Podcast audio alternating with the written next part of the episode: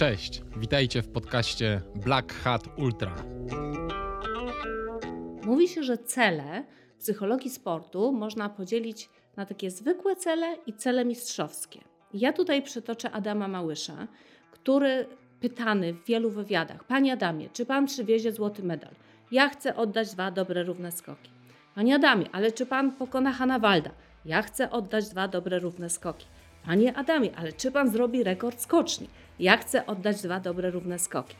Więc wszystko, o co był pytany, to była ta motywacja zewnętrzna, to były jakieś takie cele, no rekord skoczni, złoty medal, pokonać tam zawodnika X. Czy on miał na to wpływ? Nie. On miał wpływ na dwa dobre, równe skoki. I to zawsze radzę, czy to profesjonalistom, czy amatorom, żeby zastanowić się, czym są dla nas w naszym sporcie dwa dobre, równe skoki.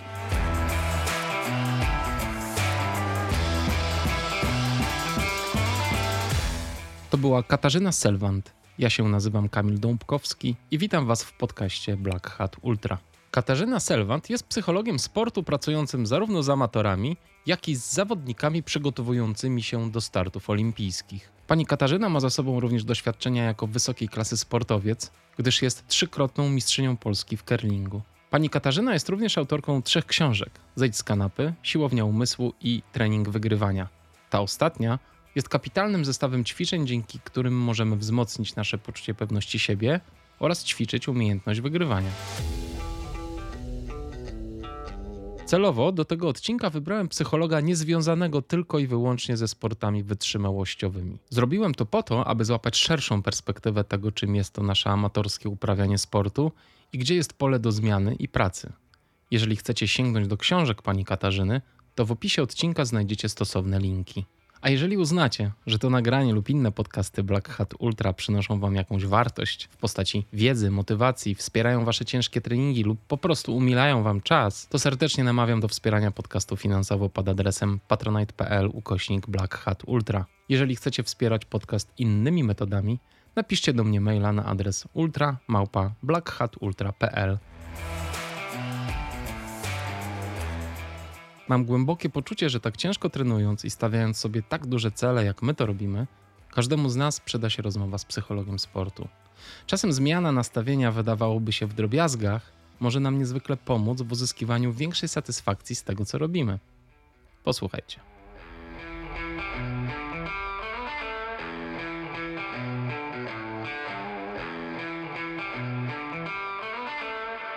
Dzień dobry Pani Katarzyno. Witam wszystkich serdecznie. Dzień dobry. Dziękuję bardzo, że przyjęła Pani moje zaproszenie do podcastu. Jest mi niezmiernie miło. Dziękuję. A ja z naprawdę ogromną przyjemnością chętnie dzisiaj porozmawiam o treningu mentalnym, no i e, jak nasza głowa może nam pomóc lub przeszkodzić w uprawianiu sportu. No właśnie, chciałem Panią na początek zapytać, bo w takim wieku są moi słuchacze, między 35 a 45 rokiem życia, to jest taka największa grupa, są to mężczyźni. Co się dzieje w naszym życiu, w w tym okresie, że decydujemy się na podjęcie takich dużych wyzwań, typu właśnie bigi ultra, typu triatlon, e, inne sporty wytrzymałościowe. Czy pani zbadała jakiś taki wzór, który powoduje, że nagle osoby w tym wieku zaczynają szukać czegoś więcej właśnie w sporcie? Nie znam badań, które by e, potwierdzały mówiła o konkretnych wynikach takich obserwacji, ale ja mogę się podzielić własnymi obserwacjami, które czynię od wielu lat. Y, I sportowcy amatorzy, którzy w ogóle ruszają do boju, wstają z kanapy y, i chcą walczyć, walczyć także w zawodach sportowych, trochę też y, trenować dla siebie, dla własnego zdrowia.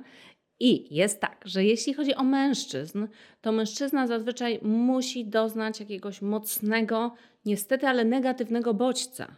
Na przykład jakaś zmiana pracy, coś się dzieje, lub też w związku coś się dzieje, albo e, kiepskie wyniki badań, diagnoza, albo dochodzimy do, pewnej, e, do, do pewnego takiego momentu, gdzie jest ściana i mówimy: O nie, to jest już za dużo, już za dużo na przykład siedziałem, to nie, nie tak, to nie, nie te moje marzenia, muszę coś ze sobą zrobić. I rzeczywiście e, to wtedy jest duża motywacja. I co ciekawe, E, mężczyzn jest trudno zmotywować do uprawiania sportu regularnego, ale kiedy już się na coś zdecydują, to oni w tym pozostają. Czyli mają większą motywację i też większą wytrwałość, co mnie bardzo cieszy. Y, ponieważ można wtedy na nich bardzo polegać. Natomiast kobiety, jeśli mogę tak tutaj, podobno to nie, nie do końca y, słuchaczki, ale nie, też nie. powiedzmy o kobietach. Mam bardzo silne grono słuchaczek. Jest to co prawda 20%, ale to są wspaniałe kobiety. Fantastycznie, to pozdrawiamy. Pozdrawiamy. Y, kobiety bardziej regularnie uprawiają sport, chodzą na fitness, na inne zajęcia sportowe i w ogóle dbają o siebie, o swoje zdrowie, czyli tak o swoje ciało, też chcą dobrze wyglądać. E, też co ciekawe, to one częściej chodzą na, na różnego rodzaju badania też medyczne. E, one zazwyczaj zapisują mężczyzn na, do, do lekarza, e, one też próbują motywować mężczyzn, ale o siebie dbają częściej. I one uprawiają sport tak, jak najbardziej, bardziej regularnie. Ale co ciekawe, Kobiety są skłonne szybciej zrezygnować z uprawiania sportu, czyli ta wytrwałość będzie mniejsza ze względu na różne zobowiązania rodzinne. Mężczyźni tego nie mają. Mężczyźni tego nie mają, mężczyźni za to jak już złapią bakcyla sportowego, to tam pozostają. A proszę powiedzieć jeszcze tak na początek jedną, jedną kwestię, o jedną kwestię zapytam, która bardzo zaprząta mi głowę, bo pani współpracowała e, i nadal współpracuje z zawodnikami wysokiej klasy sportowej. Tak, my na to mówimy w psychologii sportu zawodnicy wysokiego wyczynu. Wysokiego wyczynu, jak i również współpracuje Pani z amatorami. I zastanawiam się, czy problemy mentalne, które ma i jedna i druga grupa, czy one są zbliżone? A tutaj zaskoczę, ponieważ problemy są i praktycznie takie same, i bardzo różne. To najpierw może powiedzmy o takich samych. Okazuje się, że sportowcy z pierwszych stron gazet mają taką samą niską samoocenę i niską pewność siebie, co zawodnicy amatorzy. Y, I to jest moje odkrycie, mnie to też w pewnym momencie zszokowało, ale rzeczywiście tak jest. Natomiast jeśli chodzi o motywację, to sportowcy profesjonalni, olimpijczycy mają wręcz za dużą motywację i są przemotywowani, przestymulowani, oni chcą za bardzo, E, mają też dużo bodźców, pewnych zobowiązań i ta ich motywacja jest naprawdę wysoka i ona im w pewnym momencie przeszkadza. A zawodnicy amatorzy natomiast mają często problemy z motywacją i niską motywację i ich trzeba ciągnąć, e, właśnie motywować, przypominać o tym, jaki jest, e, jaki jest cel i dlaczego oni to robią. A czemu ci zawodowcy mają za wysoką motywację? Co ich tak nakręca? Wynik? Czy...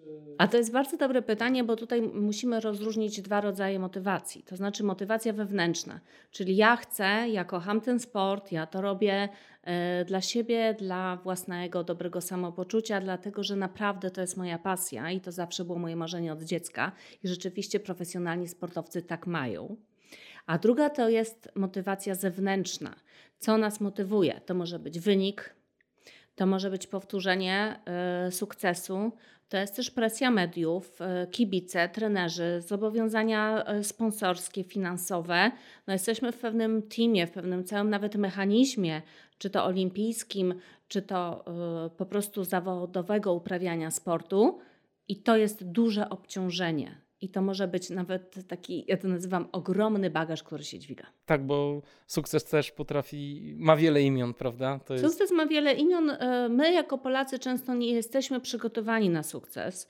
E, I to też, jest, to też jest moja obserwacja.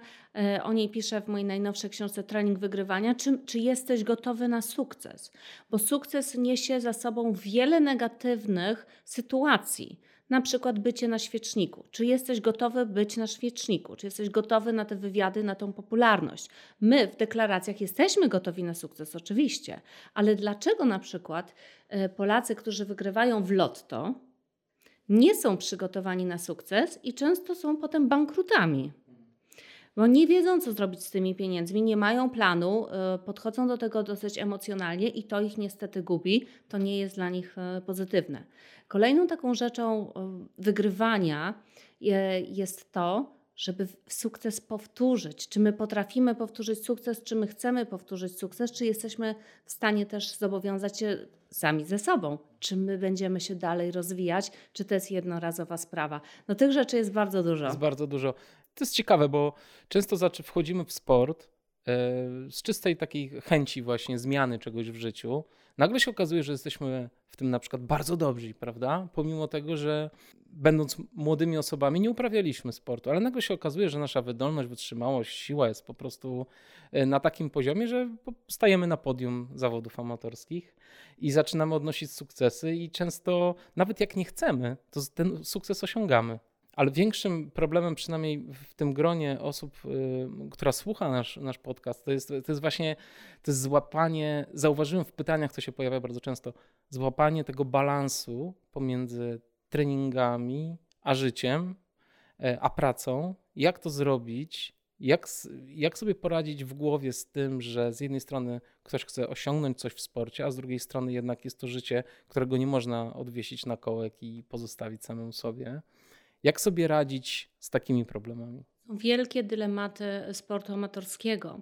E, mówi się, że jest takie kluczowe pytanie, które rozróżnia amatora od zawodowca. Czym się różni amator od zawodowca?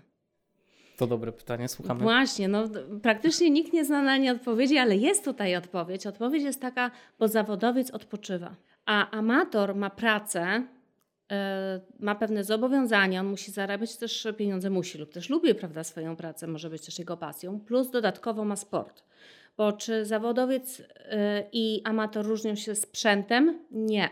W dzisiejszych czasach nie. Ja bym wręcz powiedziała, że amatorzy y, mają lepszy sprzęt, lepsze przygotowanie, nawet czasami lepsze buty sportowe y, niż zawodowcy. Ci, Większą którzy... wiedzę też na temat sprzętu, bo więcej czasu spędzają na poszukiwaniu, tak, prawda? szukają, no tak. a ten profesjonalista on cóż dostał od związku czy klubu, no i w tym, tym biega, prawda?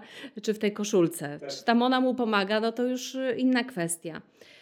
Więc chodzi o takie przygotowanie techniczne, to, to rzeczywiście ci, y, ci najlepsi odpoczywają. odpoczywają, właśnie, oni odpoczywają, czyli oni mają tak, relaks, oni mają regenerację, e, oni mają fizjoterapię, masaże, e, konieczny, oczywiście, konieczny trening mentalny, e, taki reset głowy, trenowanie tej głowy, spotkania dietetyczne. To, no to jest tu wiele różnych czynników. Słyszałam o tym, że najlepszy znany polski piłkarz ma też trenera snu. Więc jest wiele takich y, czynników. No sen jest kluczowy dla regeneracji. Sen jest kluczowy, oczywiście. No, więc jak to pogodzić? To jest bardzo trudne, y, więc należałoby tutaj jako amator wyznaczyć sobie realne cele.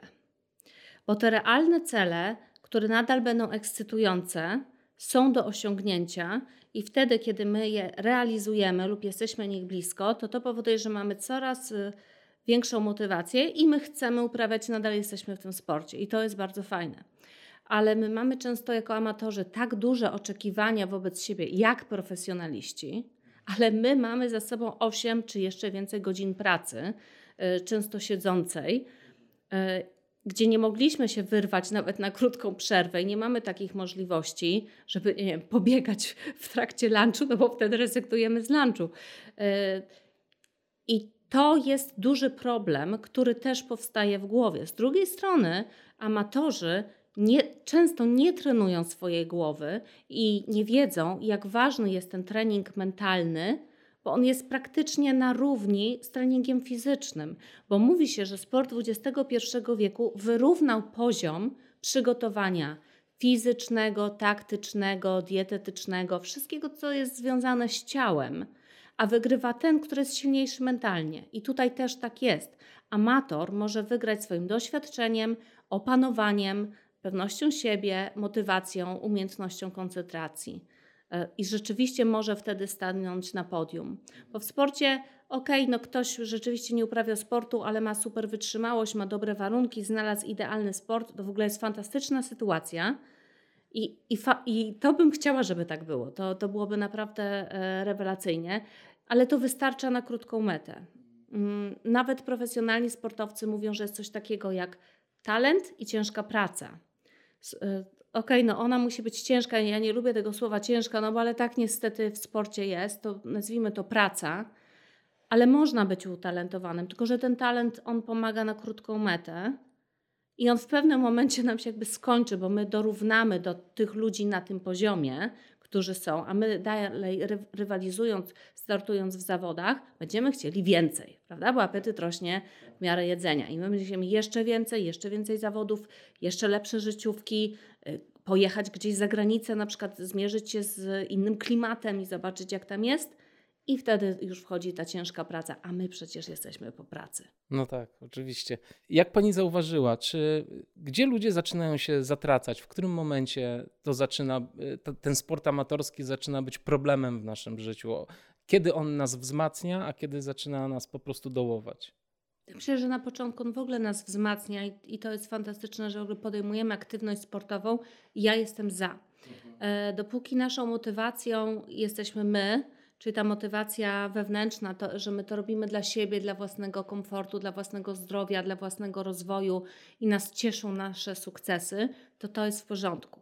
Kiedy my to zaczynamy robić dla motywacji zewnętrznej, E, pucharów, medali, one są bardzo ekscytujące i tutaj trzeba e, trzymać rękę na pulsie, ale tutaj czerwona lampka nam się powinna e, zapalić. Ok, my lubimy wygrywać. My jako ludzie lubimy wygrywać. Ja też lubię wygrywać no, w grę planszową. Oczywiście, że tak. Ale w sporcie też lubię wygrywać. To jest, to jest naturalne. Ale kiedy myślimy tylko o pucharze, tylko o medalu, a my przestajemy myśleć o dobrym wykonaniu, to coś się z nami dzieje nie tak lepiej myśleć o dobrym wykonaniu, czyli o zadaniu. Mówi się, że cele w psychologii sportu można podzielić na takie zwykłe cele i cele mistrzowskie. Ja tutaj przytoczę Adama Małysza, który pytany w wielu wywiadach: Panie Adamie, czy pan przywiezie złoty medal? Ja chcę oddać dwa dobre, równe skoki. Panie Adamie, ale czy pan pokona Hanna Walda? Ja chcę oddać dwa dobre, równe skoki. Panie Adamie, ale czy pan zrobi rekord skoczni? Ja chcę oddać dwa dobre, równe skoki. Więc wszystko, o co był pytany, to była ta motywacja zewnętrzna, to były jakieś takie cele, no rekord skoczni, złoty medal, pokonać tam zawodnika X. Czy on miał na to wpływ? Nie. On miał wpływ na dwa dobre, równe skoki. I to zawsze radzę, czy to profesjonalistom, czy amatorom, żeby zastanowić się, czym są dla nas w naszym sporcie dwa dobre, równe skoki. To taka metafora. Czym to jest? I jeśli my to rozłożymy na czynniki pierwsze, to zastanowimy się, jakie elementy techniczne czy też mentalne są ważne dla nas, i wtedy łatwiej będzie nam zdobyć ten upragniony złoty medal, o którym tak naprawdę wszyscy gdzieś tam z tyłu myślimy. No właśnie, ale to jest czasem tak niezwykle trudne odpowiedzieć sobie na to pytanie. Czyli czego my potrzebujemy, żeby odnieść sukces? To jest y, trudne, bo Czasem to jest przygotowanie fizyczne, czasem to jest mentalne, czasem to jest dieta, czasem to jest regeneracja. Rozkminienie tych wszystkich elementów i ułożenie tych puzli tak, żeby one pasowały do siebie, jest czasem po prostu koszmarnie trudne i zajmuje lata. To prawda, można tutaj się wspomóc osobami z zewnątrz, które mają duże doświadczenie, które mogą nam w tym pomóc. Ja myślę, że to nie są pojedyncze puzzle, bo sport XXI wieku pokazuje nam, że nie ma czegoś takiego jak sporty indywidualne. Ja wiem, to jest szok, ale ja się pod tym podpisuję, bo nawet w sporcie indywidualnym, weźmy taki tenis ziemny, na zawodnika pracuje sztab ludzi. E, nasza obecna bardzo znana tenisistka też jeździ ze swoim sztabem ludzi. Więc tych elementów jest wiele i te elementy muszą współgrać, one muszą być cały czas razem e, i my je musimy włączać jakby jednocześnie, co jest bardzo trudne, bo to wymaga też czasu, zaangażowania wielu osób, ale tak jest, wtedy osiągamy sukces. My nie powiedzieliśmy jeszcze o jednym ważnym elemencie, wspomnieliśmy może na samym początku o tym, ale jak ważna jest rodzina i wsparcie najbliższych. E, I że na przykład w sporcie amatorskim, ale młodszych jeszcze osób, ci rodzice na przykład są bardzo ważnym elementem. Oni mogą być i na plus, i na minus, ale oni są. Tak samo wsparcie naszej e, rodziny, wsparcie finansowe, które na przykład dostajemy od najbliższych, czy jakieś organizacyjne, logistyczne. Wielu olimpijczyków, e, dziękując za złoty medal, dziękuję swojej rodzinie, dzięki której nie uzyskaliby tego e, złotego krążka. I coś w tym jest że ci ludzie, którzy nas otaczają, być może to jest szef, który nas wspiera i nas na przykład zwalnia w piątki wcześniej, żebyśmy mogli pojechać na zawody. O tym pamiętajmy, kim się otaczamy. Jest takie powiedzenie: pokaż mi pięć osób, z którymi spędzasz najwięcej czasu, a, a powiem ci, kim jesteś. I to nie chodzi o osoby najbliższe, tylko o osoby, z którymi spędzamy najwięcej czasu. To jest bardzo ciekawe. Ale tak jak pani powiedziała, to składanie tego teamu to też w dużej mierze zależy od tych sportowców, bo to oni decydują, prawda, kto im będzie pomagał w dużej Czy w pewnym mierze. momencie oni już mogą decydować na początku Mhm. swojej drogi? Mhm. To może być tak, przypadek, to może być y, ktoś, kto jest nam po prostu y, przydzielony, ale rzeczywiście y, w tych sportach profesjonalnych na pewnym etapie już zawodowcy mogą decydować i to jest fantastyczne, ale za to my jako amatorzy możemy decydować od samego początku i to jest bardzo dobra informacja. Bardzo wymagająca od nas, prawda? Tak. Bardzo wymagająca. E, Bo to pokazuje, że ten sport amatorski jest bardzo blisko profesjonalnego. Mhm. że my- Tylko nie odpoczywamy. Tylko nie odpoczywamy. Że my chcąc osiągać te, te wyniki, my tak dużo podróżujemy, profesjonaliści tak samo. My dużo trenujemy, oni te, profesjonaliści tak samo. My potrzebujemy teamu, my potrzebujemy ludzi, z którymi będziemy się konsultować, bo w pojedynkę dojdziemy do pewnego etapu. I jeśli on nas e, zadowala, to to jest w porządku, ale jeśli nie, to my potrzebujemy tych ludzi. No właśnie, ale czasem, czasem jest tak, że niektórzy sportowcy, amatorzy uwielbiają wszystko robić sami i uwielbiają odpowiadać za wszystko sami, bo, Mhm. Bo to jest trochę tak, że wprowadzanie innych osób y, w ten, y, w ten układ powoduje też napięcia pewne, tak? Czyli z jednej strony to, że my oddajemy komuś część tego w cudzysłowie sukcesu, który może osiągniemy, ale też to powoduje, że jeżeli nie osiągamy sukcesu, to jest nam po prostu głupio y, przed tymi osobami. Także to też tutaj pewne napięcia powstają. Znaczy, to jest koszt, z którym musimy się liczyć. E, Ale z drugiej strony ja sobie nie wyobrażam, żeby e, nie korzystać z fizjoterapeuty, jeśli mamy kontuzję, no i co będziemy się przed nim tłumaczyć z wyniku? No nie, no on jest zainteresowany naszym ciałem i samopoczuciem. E, I to jest człowiek, który nam będzie pomagał. Musimy też pamiętać, że te osoby działają na naszą korzyść. Czyli musimy znaleźć takie osoby, które chcą dla nas jak najlepiej i które nie będą nas rozliczać. No tak. Bo to jest myślenie amatorskie, że oni będą nas rozliczać, oni będą pracować z nami, prawda? My jesteśmy teamem, jesteś w moim teamie, czyli teraz e, ten sukces jest wspólny, porażka też, no, tak jest w sporcie.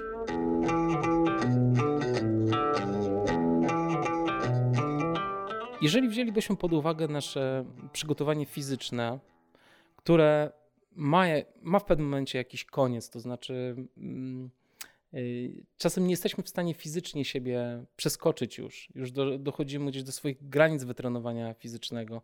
Jak pani myśli, ten wpływ y, mentalny, y, jak duży, o ile można jeszcze procent podnieść swoje, y, swoje wyniki poprzez odpowiedni trening mentalny? No, w sporcie amatorskim e, ten procent myślę, że byłby jeszcze większy niż w sporcie profesjonalnym, e, bo jeśli rzeczywiście dochodzimy do pewnego poziomu i chcemy zrobić przeskok prawda, do, do, do, kolejne, do kolejnej elity tam sportowej, amatorskiej, to rzeczywiście wtedy coś trzeba zmienić. Jeśli chcesz mieć coś, czego nigdy nie miałeś, musisz zrobić coś, czego nigdy nie robiłeś. Szczególnie amatorzy nie robili treningu mentalnego, nie trenowali głowy, nie trenowali pewności siebie, uważają, że wyznaczenie celu nie jest takie istotne albo współpraca z trenerem, a właśnie być może to pozwoli im e, osiągnąć to wykonanie dużo lepsze niż chcą. Za to nie zgodziłabym się z tym, że dochodzimy do pewnego momentu takiego fizycznego, gdzie nie możemy zrobić więcej.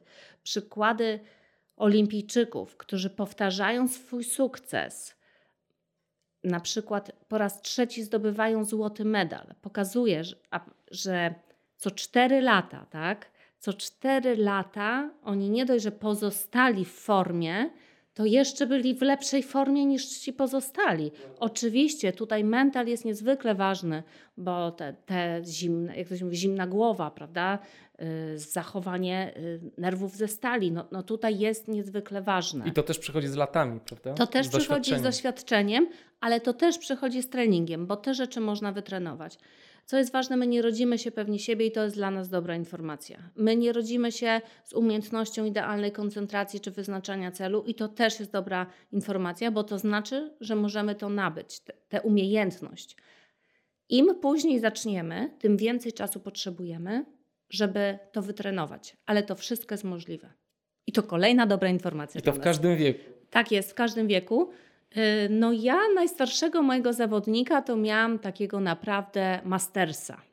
To był taki pan masters, y, amator, który wracał do uprawiania sportu swojego sprzed lat. Fantastyczne doświadczenie, naprawdę. Piękne. I był w stanie poprawić swoje wyniki, czy tak. aż tak dobrze nie było?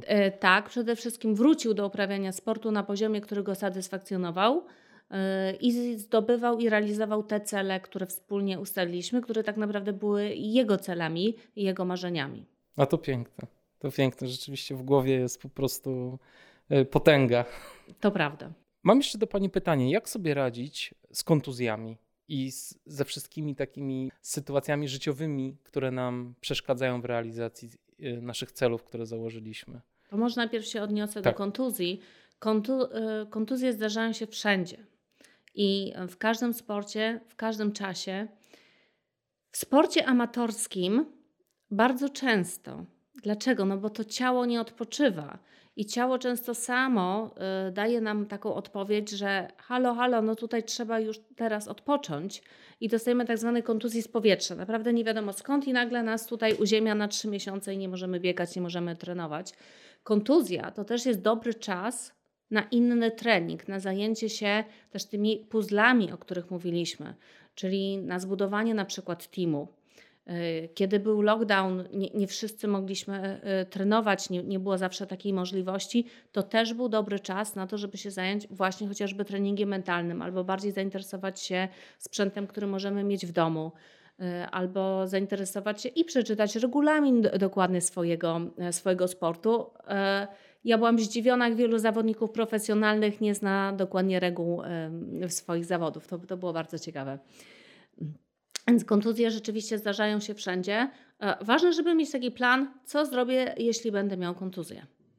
Do kogo się zwrócę, do kogo zadzwonię, e, z kim pójdę, znaczy do kogo, przepraszam, pójdę i z kim też oczywiście, e, kto, kto mi pomoże, czy fizjoterapeuta, czy jakiś lekarz, gdzie mam takie punkty o tym można już porozmawiać wcześniej, przygotować się do tego. Ja wiem, że to nie są rzeczy miłe, bo my nie chcemy o tym myśleć. Nie chcemy myśleć. Tak. Oczywiście, ale to jest nasza taka polisa ubezpieczeniowa.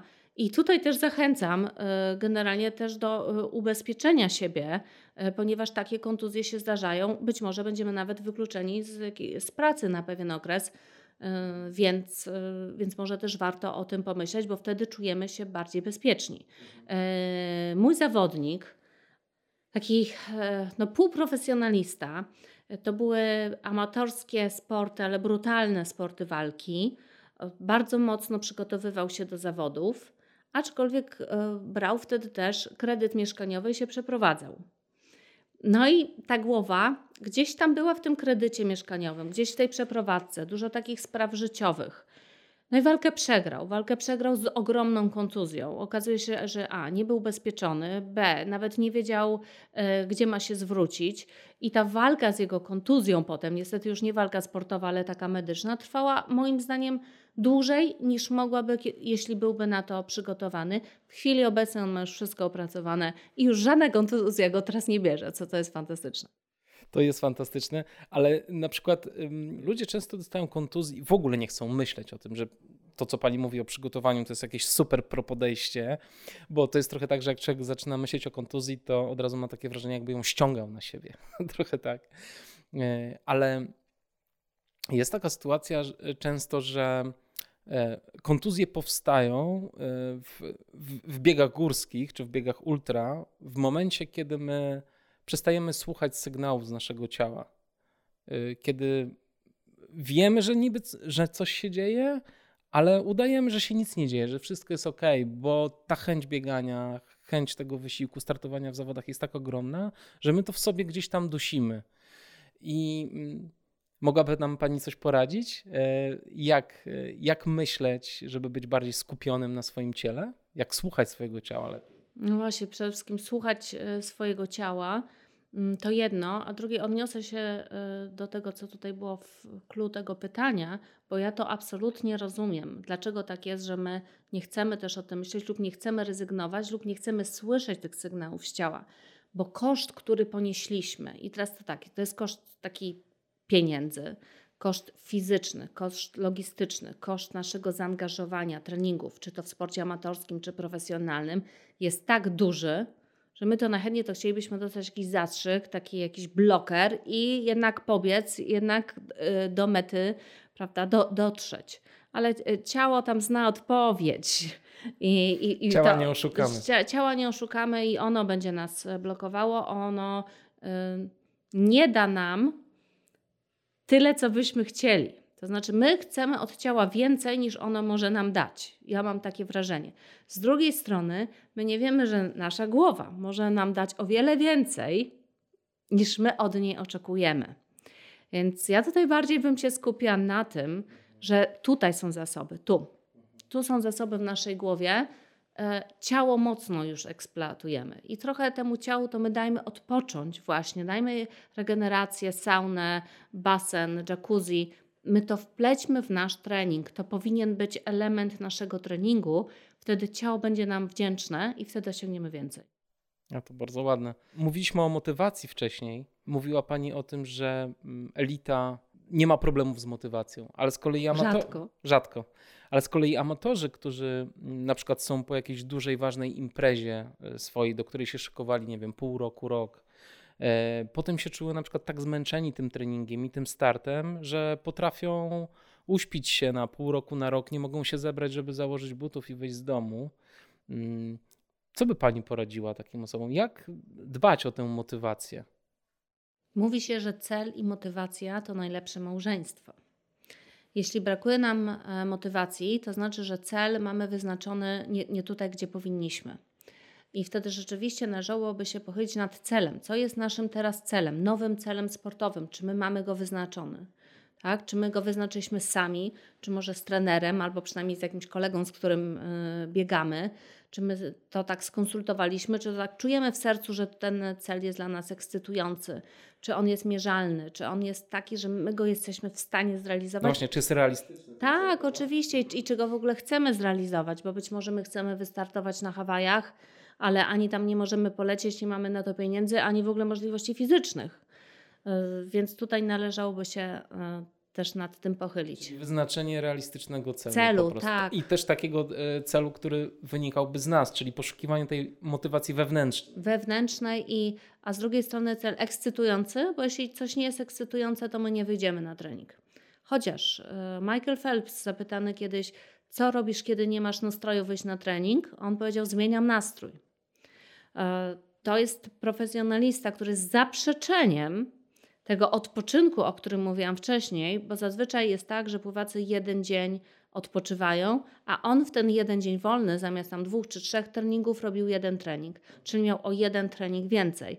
Oczywiście miał wtedy tej regeneracji więcej, ale inaczej ona była tam przepleciona przez jego y, trening. Więc nie dość, że zmienić nastrój, no to jednak wyjść na trening. No i co pani myśli o takim podejściu? Bo jest bardzo wiele osób, które tak mówi, że y, dokładnie to, czyli nie mam ochoty na trening, to po prostu idę na ten trening. W ogóle nie, zwra- nie zwracam na to uwagi. W ogóle jakby te sygnały gdzieś wewnętrzne tłamsimy w sobie. I robota musi zostać wykonana.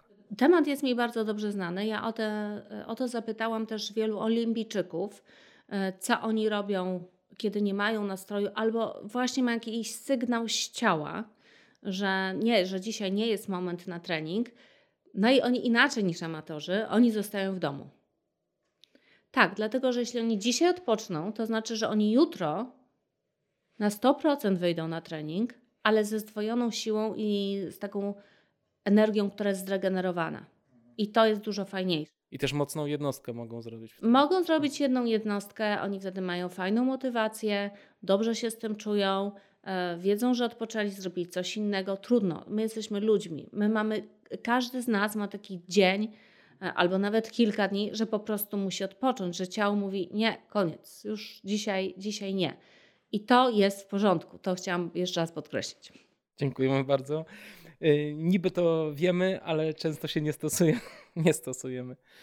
E, co zrobić w momencie, jak czujemy się totalnie wypaleni i czujemy, że ten sport gdzieś, to już nawet nie jest kwestia motywacji, to jest po prostu ciągnie się za nami coś takiego, że mm, że wracanie do tej dyscypliny nie ma kompletnie sensu. Co wtedy? no może powiem coś szokującego, ale ja bym powiedziała odpocząć, rzucić, zamknąć w szafie, e, dać sobie tyle czasu, ile na to potrzeba. Absolutnie do tego nie wracać, ale też nie czytać e, forów internetowych, mediów społecznościowych, nie, nie śledzić wyników. Odciąć się. Odciąć się, odciąć się także od tego mentalnie. Dlaczego? Dlatego, że taki wypoczęty umysł w pewnym momencie będzie chciał, za, naprawdę w 99 przypadkach tak jest, e, chciałby, tak czuje, czuje, czuje, że coś tam jest i tęskni, prawda? I człowiek wreszcie tęskni, ale żeby to poczuć, to trzeba od tego odpocząć. To jest tak jak też z pisaniem książki. W pewnym momencie jest taka jakaś niemoc, jakaś czarna dziura, no to też to trzeba zostawić, wyjechać, rzucić wszystko, pojechać w tak zwane Bieszczady, prawda? I wtedy możemy to, e, to poczuć. Więc tutaj byłby odpoczynek i regeneracja zarówno ciała, no bo my już tego nie trenujemy. Być może zaczniemy chodzić, y, no nie wiem, na zdrowy kręgosłup pilates. Ja akurat jestem miłośniczką, więc y, tutaj polecam. Może jakaś yoga tutaj wejdzie, prawda? Rozciąganie, może coś innego, bo często jest tak, że ktoś już coś uprawia, to on chce być w aktywności, tylko być może jakiejś innej. Ale też właśnie nie śledzić, nie być w tym środowisku, bo to jest zbyt męczące dla naszego umysłu i wtedy umysł nie odpoczywa, znowu jest bombardowany tymi informacjami i on, taki sportowiec mówi, ja już mam dosyć, już nie chcę. To potrafi być ciężkie, bo po wielu latach uprawiania jakiegoś sportu nie mamy innych znajomych. Nie mamy innych znajomych, właśnie. Poza tymi, którzy są związani z tak, tym sportem. Tak. I co wtedy nagle? Odciąć się kompletnie od życia towarzyskiego? No spotkać się z, nie wiem, z ludźmi z liceum na przykład. nasza, tak. nasza klasa już nie istnieje. Niestety. Tak, albo y, wyjechać na urlop. Mhm. Zmienić otoczenie. Mm, ja zawsze się zastanawiałam, co dają takie wyjazdy. Ja uwielbiam w ogóle podróżować i odkryłam, że wyjazdy dają inną perspektywę sytuacji, które mamy w domu w domu, w pracy, w sporcie, czyli y, u nas w życiu. To daje taką świeżość. Patrzymy sobie tam gdzieś na jakimś wyjeździe, najlepiej zagranicznym, gdzie ludzie inaczej mówią, inaczej się zachowują, y, inne mają problemy, a może takie same problemy. Czy w tym moim sporcie to rzeczywiście to jest takie ważne? Czy ta przegrana to rzeczywiście to jest koniec świata, czy nie? Ale przecież świat jest taki piękny, y, to może jednak warto. A jeszcze chciałem zapytać Panią o życie uczuciowe, jakie każdy z nas prowadzi. Domyślam się, że no jak nie idzie nam najlepiej w życiu uczuciowym, dziewczyna nas rzuciła albo chłopak, to, e, to też może mieć wpływ na nasze wyniki. Tak, ma wpływ ewidentnie na nasz mental. Ale czy na przykład odwrotna sytuacja, e, kiedy nam się układa doskonale, kiedy właśnie jesteśmy zakochani, czy to może nam z kolei pomagać? Jak, jak to życie uczuciowe na nas wpływa? Że jeśli mówimy o wyniku, to na wynik mają wpływ trzy elementy, takie podstawowe. Jest to sam zawodnik, czyli to, co on tam włoży, tak? Fizycznie, praca. mentalnie, praca. Jest to trener. E, w sportach amatorskich nie zawsze mamy trenera, czasem mamy jakiegoś konsultanta, kolegę, no to, ale nazwijmy go trenerem. I środowisko zewnętrzne, czyli wszystko to, co jest dookoła. To może być ta nasza miłość, prawda? To, to, może być kredyt mieszkaniowy, to mogą być rzeczy na plus i na minus. I one będą miały wpływ na wynik. E, czy miłość e, u osoby X będzie na plus, to zależy też od niej i od jej sytuacji bo być może będzie tak pochłonięta i będzie no, w fazie y, miłości, zauroczenia i myślenia tylko o tej osobie, żeby szybko spakować już te buty, jednak z zawodów y, szybko wrócić do y, ukochanej osoby. Też tak może być. Więc myślę, że tutaj kij ma dwa końce. I to życie uczuciowe rzeczywiście przecież u profesjonalnych sportowców też jest. I ono może mieć i taki pozytywny i negatywny efekt. Miejmy nadzieję, że tylko pozytywny. No. Chwalmy miłość.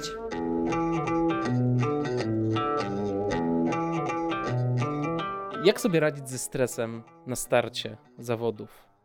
Mm, jakich technik możemy użyć, żeby uspokoić nasze ciało, naszą głowę i tak jak pani mówiła wcześniej, z chłodną głową podejść do startu?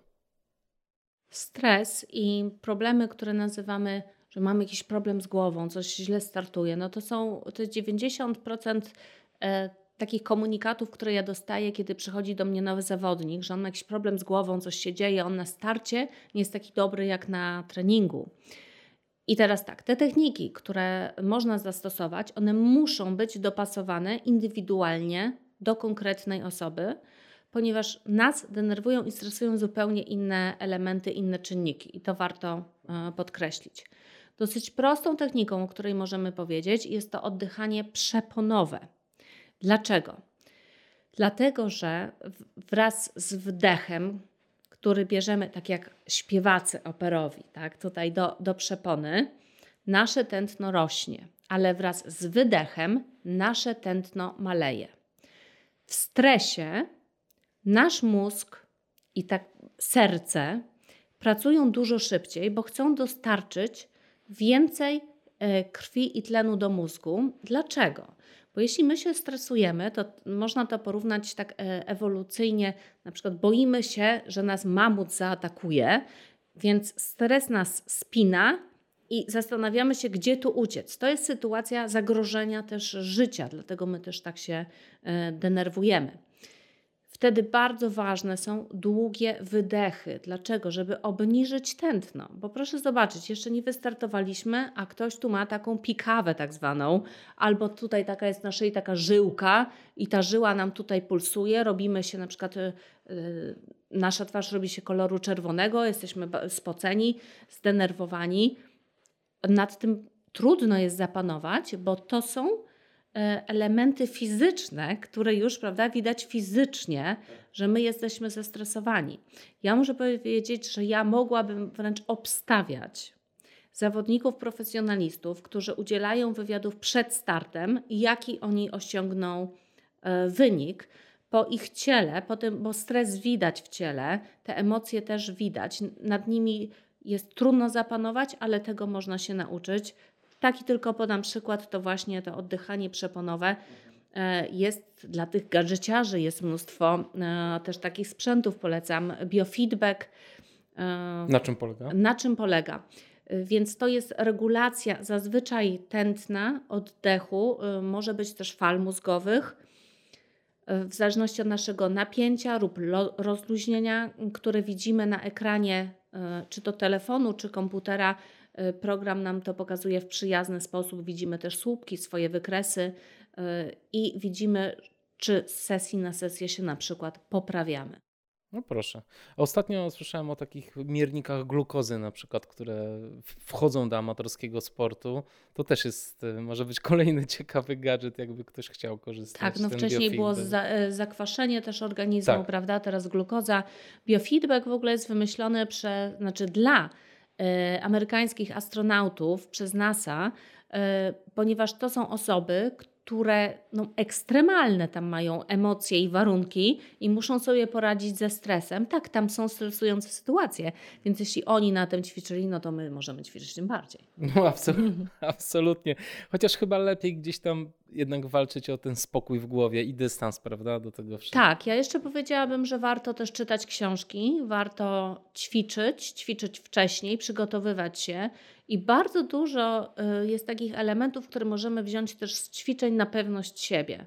Bo jak my jesteśmy pewni siebie, mamy dobrze wyznaczony cel, mamy motywację wewnętrzną, stres nam spada, bo jesteśmy nastawieni na wykonanie. I wtedy cokolwiek będzie, jeśli naszym celem jest to, że jestem z siebie zadowolona i że ja mam zadanie do wykonania, e, to ten stres jest mniejszy. I rzeczywiście to widać, że ten poziom stresu naprawdę maleje wraz z doświadczeniem, chociaż jeśli stresu w ogóle nie ma, to też nie jest dobrze, bo my nie jesteśmy w stanie się tak zmotywować, zmobilizować. Za to, czy nam poszło dobrze, czy nam nie poszło dobrze, to jeśli się stresowaliśmy, ale byliśmy też zaangażowani, to często po e, tej rozgrywce sportowej, czy to jest e, po biegu, po meczu, następują jakieś łzy i rozładowanie w ogóle tych emocji. I to też jest normalne, bo to znaczy, że nam bardzo zależało i byliśmy bardzo zaangażowani. No właśnie. Czasem e, dobry wynik zawodów wcale nie oznacza wygrania tych zawodów, tylko właśnie bycie zadowolonym ze swojego performance'u w trakcie, prawda? To jest niesamowite. To też wielu sportowców to mówi E, że to jest dla nich ważne, żeby dać z siebie wszystko. Czasem to może oznaczać, że się nie stanie na podium. Często jest tak, że jak dobiegamy na metę, to jest takie poczucie, że moglibyśmy dać z siebie więcej. I zastanawiam się, jaki mechanizm tutaj działa. Zakładam, że jest to związane z naszym mentalem, bo gdzieś tam, no bo ja mówię raczej o tych zawodach, które trwają długi czas. Nie kilka minut, nie kilkanaście, tylko właśnie kilka godzin, gdzie mamy szansę pocisnąć mocniej, ale też możemy, mamy, czas, mamy szansę się zastanowić nad tym, hej, może zwolnię, bo jak pójdę za ostro, to potem e, nie ukończę zawodów albo cokolwiek. I zastanawiam się, hmm, czy jest tutaj jakiś sposób myślenia o takim długim wysiłku, który może nam pomóc, żebyśmy na mecie byli super zadowoleni z tego, że jakby, że daliśmy się wszystko tego dnia y, względem fizycznym właśnie. To w psychologii sportu ja bym nazwała takim mechanizmem obronnym. Bo to znaczy, że my dajemy sobie trochę takie wytłumaczenie, trochę taką furtkę, że jeszcze coś tam można było dokręcić, jeszcze można było coś zrobić lepiej, szybciej, prawda, bardziej. ciągłe niezadowolenie z siebie, bo, do tego to prowadzi, no nie jest w porządku. To znaczy, że tutaj z nami jest coś jeszcze do ustawienia e, przez psychologa sportowego, żebyśmy lepiej może mieli ten cel wyznaczony. Właśnie może ten cel był źle wyznaczony, może ta motywacja, może ta pewność siebie. Być może jest tak, że daliśmy z siebie wszystko fizycznie, ale mentalnie mieliśmy tam jakieś inne założenia, że głowa była gdzie indziej, a ciało było gdzie indziej. Warto by to było yy, zespolić. No i takie myślenie, no do czego ono nas może doprowadzić? Moim zdaniem do wypalenia, bo w ten sposób jesteśmy niezadowoleni z siebie, a ciągłe niezadowolenie, no czy ono nas motywuje? No w pewnym momencie będzie mówią, a ja już mam dosyć tego, ja się ciągle tam źle czuję, niby życiówki robię, a jakoś nie ma tego, prawda? Nie ma tego poweru, tego, tego uśmiechu y, i nie robię tego dla siebie. I to jest myślę, że duży problem, mm, ale to też moja obserwacja, że my często nie jesteśmy z siebie e, zadowoleni, bo na przykład no nie osiągnęliśmy tam jakiegoś wyniku, nie zrobiliśmy sobie jakiegoś świetnego selfie, nie wrzuciliśmy tego na media społecznościowe, e, albo czytaliśmy wcześniej listę startujących, rozegraliśmy sobie na przykład dany bieg czy, czy mecz e, już w głowie, kalkulacja, no to nie pomaga.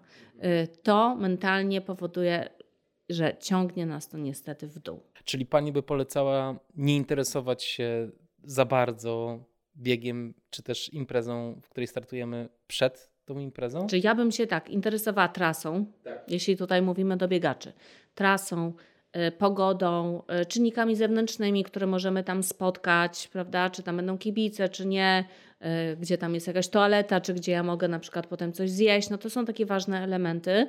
To tak, ale listą startową nie. O, to ciekawe. Tak, bo to powoduje jednak duży, duży stres, dużą presję. I tak naprawdę, co zmieni w moim przygotowaniu i w moim wykonaniu to, że biegnie tam też zawodnik X? No, są osoby, dla których to coś zmienia. Tak, ale to zmienia mentalnie. Tak. Bo fizycznie, fizycznie przecież mhm. to nie zmienia nic. Czy ja zrobię wtedy więcej wcześniej pompek, więcej przysiadów, y, więcej się będę rozciągać? Tak, to już. To już nie, to jest gdzieś tam w głowie, ale to jest nasza blokada, a nie, a nie coś na plus. Ale jest coś takiego, że nawet jak się tym nie interesujemy, to potem na starcie spotykamy te osoby, tak. z którymi teoretycznie powiedzmy rywalizujemy. I co wtedy? Wtedy właśnie nagle się pojawia ten stres, że jejku, to ona czy on też tu startuje i co wtedy? I to też jest takie błędne nie lepiej, myślenie. Nie lepiej się przygotować wcześniej do tego? I ja bym powiedziała, że to niestety, ale to jest myślenie amatorskie. Ponieważ profesjonalista walczy sam ze sobą, i wie, jakie ma możliwości, i wie, jakie bariery musi pokonać, czy to fizyczne, czy to mentalne, w danym biegu, czy w danym no, występie sportowym. E, amator patrzy na tych, którzy są dookoła, i ci dookoła mają wpływ na jego wykonanie. Czyli się porównuje. Tak, na jego wykonanie fizyczne, no i, i też oczywiście na psychikę. E, to jest zaskakujące i to w e, tym profesjonalnym sporcie bywa po prostu rzadziej niż w amatorskim.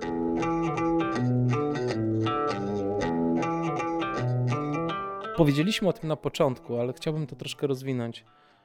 Czy wygrywania można się nauczyć i w jaki sposób? Moim zdaniem wygrywania można się nauczyć, ponieważ e, nie rodzimy się z wieloma umiejętnościami, które są potrzebne do wygrywania.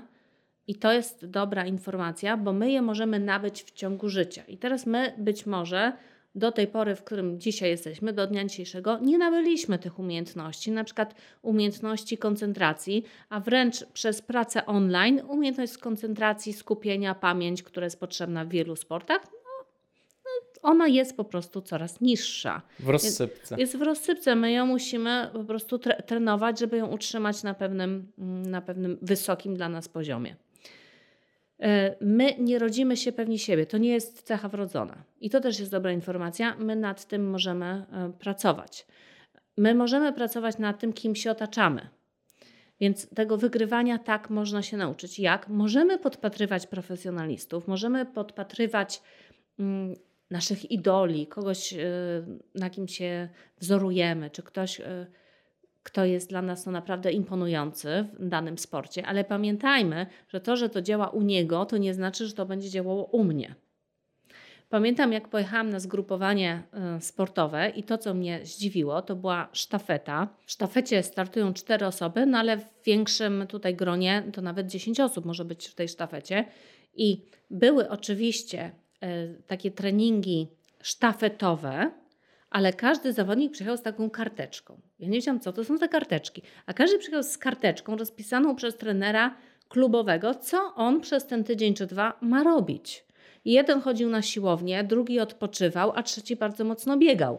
Więc okazuje się, że inne rzeczy działają, ale finalnie to te osoby, ci zawodnicy, byli w idealnej szczytowej formie na dzień zawodów tak wygrywania można się nauczyć. E, tak wygrywania należy się nauczyć, szczególnie w, me, w tej polskiej mentalności, bo my wygrywanie mamy deklarowane.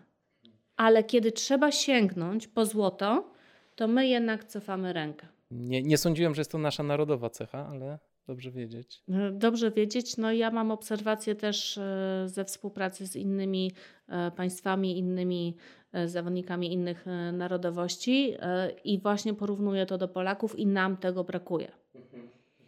Więc pochylmy się nad tym. Niech to zostanie w naszych sercach, ale zróbmy coś z tym. Tak. Czy jakieś źródła mogłaby nam Pani polecić odnośnie mm, tego treningu mentalnego, właśnie polegającego na tym, żeby się nauczyć wygrywać? Polecam oczywiście moją książkę Trening Wygrywania. Dla tych, którzy nie lubią czytać, dobra informacja to jest zestaw ćwiczeń, więc, więc to dobrze, tak, wystarczy długopis lub ołówek, żeby też pisać w tej książce. Polecam też e, książkę e, też mojego autorstwa Siłownia Umysłu, bo moim zdaniem umysł jest na siłowni, to znaczy my trenujemy nasz umysł i możemy go wytrenować. E, możemy pewne te umiejętności, nawet jeśli je mamy, wznieść na wyższy poziom, taki wręcz profesjonalny. Są tam też wywiady ze znanymi e, polskimi olimpijczykami i jak oni mentalnie odnieśli sukces i myślę, że dużo też się można od nich nauczyć. Ja też polecałabym oglądać e, czy też słuchać takich mm, wywiadów ze znanymi sportowcami, szukać tych elementów mentalnych szczególnie. E, czasami też znani sportowcy z różnych sportów dzielą się informacjami, jakie treningi fizyczne robili. I tu naprawdę można pewne rzeczy podpatrzeć, i zobaczyć, czy one u nas e, działają.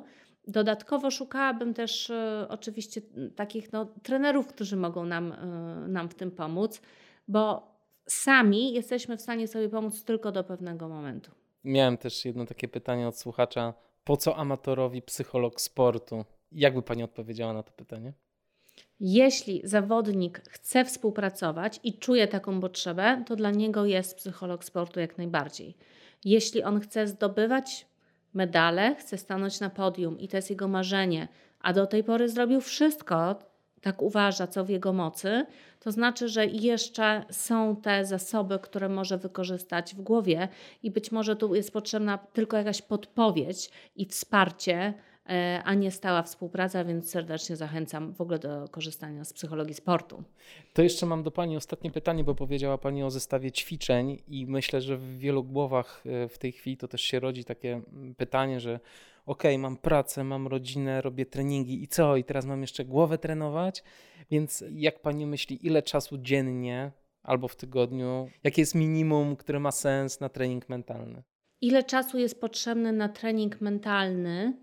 Tyle czasu, ile potrzeba, można by tak odpowiedzieć. E, książka Trening Wygrywania jest zaprojektowana na 31 dni czyli na miesiąc regularnego ćwiczenia, e, żeby to robić codziennie. Oczywiście, jeśli jeden dzień no tam nam nie wyjdzie, no to robimy go następnego dnia, e, ale rzeczywiście tutaj ta regularność jest niezwykle wskazana. Ile minut dziennie? To zależy, jak szybko będziemy robić ćwiczenia. Ja wolałabym, żeby one nie były szybkie, dlatego że one potrzebują refleksji i zaangażowania ale też takiej prawdy wobec siebie. Bo mam takie obserwacje, że nawet jak musimy coś napisać, to my mamy taką pewną obawę, czy ktoś tego nie przeczyta, czy może lepiej napiszmy, chociaż to jest moja książka, prawda, mój zeszyt świeży, a tak będę pisać tak jak wypada, a nie tak jak czuję. Czyli tutaj taka szczerość ze sobą jest ważniejsza niż czas temu poświęcony. Tak bym na to pytanie odpowiedziała. I to fajnie jest, chyba łatwiej się odpowiada na takie pytania przed samym sobą, prawda?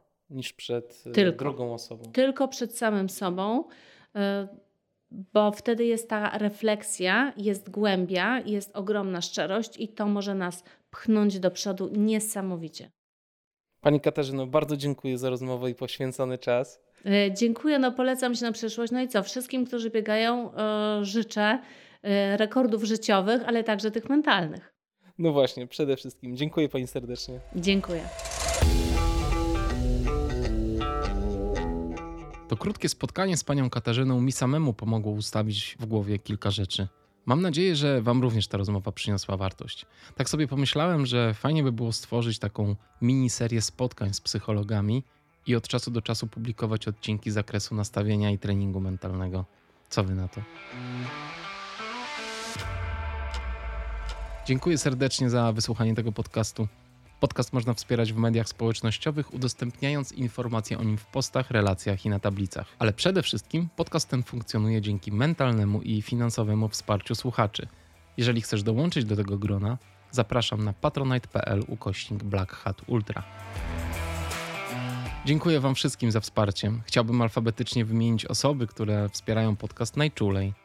Są to Maciek Bańkowski, Agnieszka Barczyk, Krzysztof Bednarz, Adam Bogdał, Marek Bykuć, Adam Dudczak, Andrzej Gąsiorowski, Krzysztof Grzenda, Bieta Chryń-Morawska, Tomasz Kacemirow, Adrian Kostera, Szymon Kubicki, Marek Maj, Wojtek Mąka, Arek Marchwicki, Kazimierz Pawełczak, Wojciech Pietrzok, Piotr Raszkowski, Grzegorz Saletra, Marcin Stefaniak, Marzena Stanek, Jacek Szymborski, Błażej Wachnienko i Edyta Winnicka.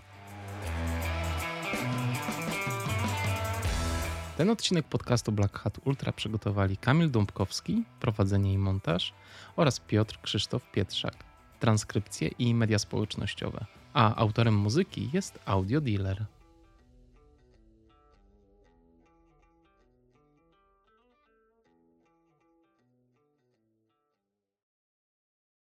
A jeżeli jeszcze tu jesteś,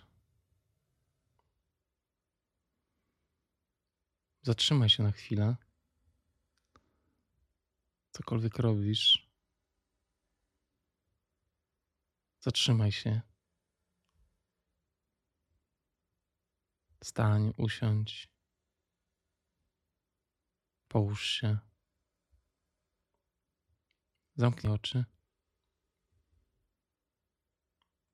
Poczuj swoje ciało. Zobacz, co czuję.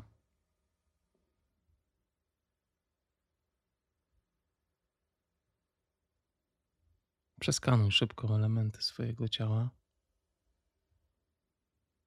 Głowę, barki, ramiona, dłonie, biodra, kolana, stopy. Zobacz, jak się czują.